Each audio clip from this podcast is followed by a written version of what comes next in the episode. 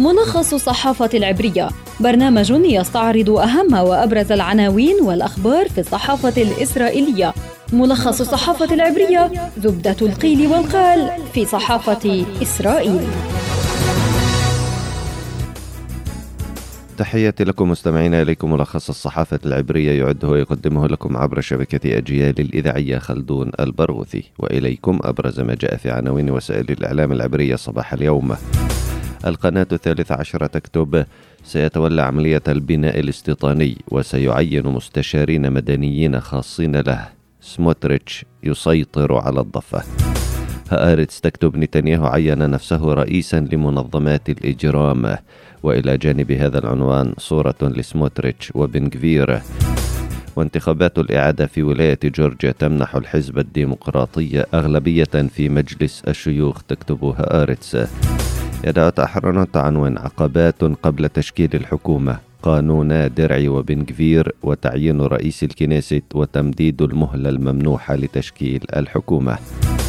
إسرائيل هيوم تعنون في الطريق إلى تشكيل حكومة. التوصل لاتفاق بين الليكود ويهدوت هتراء على المناصب. وإتمار بن كفير يدعم شرطية نكلت بمواطنة فلسطينية في القدس. في صحيفة معارف ستة من أعضاء الكنيست في الليكود يتنافسون على منصب رئيس الكنيست. نتنياهو قد يختار دودي أم سالم لهذا المنصب. موقع والله يكتب حتى في ذروة احتفالاتهم لاعبو ومشجعو منتخب المغرب رفعوا أعلام فلسطين. هيئة البث الإسرائيلية تتناول ذلك أيضا وتنشر صورة جماعية للاعبي منتخب المغرب وهم يرفعون العلم الفلسطيني في الملعب. فيما تكتب القناة الثانية عشر أيضا لاعبو المغرب جابوا الملعب وهم يرفعون الأعلام الفلسطينية. هيئة البث الإسرائيلية تكتب مسلحون فلسطينيون أطلقوا النار على مركبة إسرائيلية دون وقوع إصابات جنوب الخليل.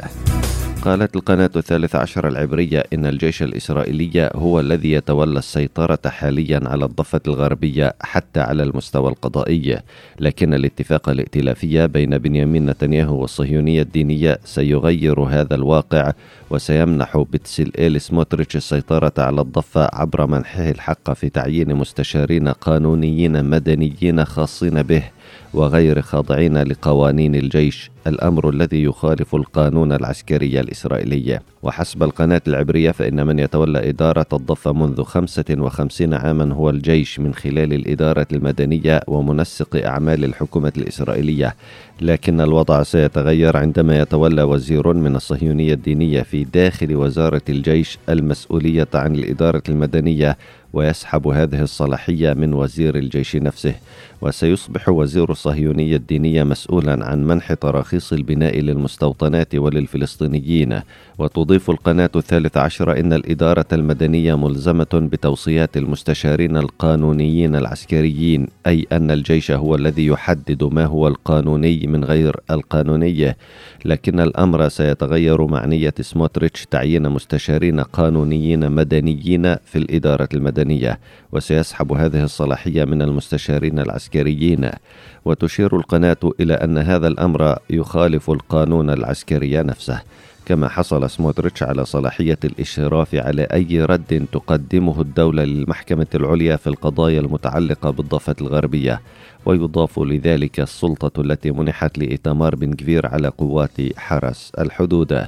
ونقلت القناة الثالث عشر العبرية عن مسؤول قضائي إسرائيلي رفيع قوله إن منح صلاحيات الاستشارات القانونية في قضايا الاستيطان لسموتريتش ومع مشروع قانون بن جفير لمنح الحصانة للجنود وعناصر الشرطة الذين يقتلون الفلسطينيين في الضفة. كل هذا سيؤدي في النهاية إلى صدور أوامر اعتقال ضد مسؤولين إسرائيليين عن المحكمة الجنائية الدولية. وذلك قد يشمل قائد المنطقة الوسطى ورئيس الأركان ووزير الجيش تقول القناة الثالثة عشرة. بهذا نصل مستمعينا إلى نهاية حلقتنا من ملخص الصحافة العبرية أعدها وقدمها لكم عبر شبكة أجيال الإذاعية خلدون البرغوثي. تحياتي إلى اللقاء.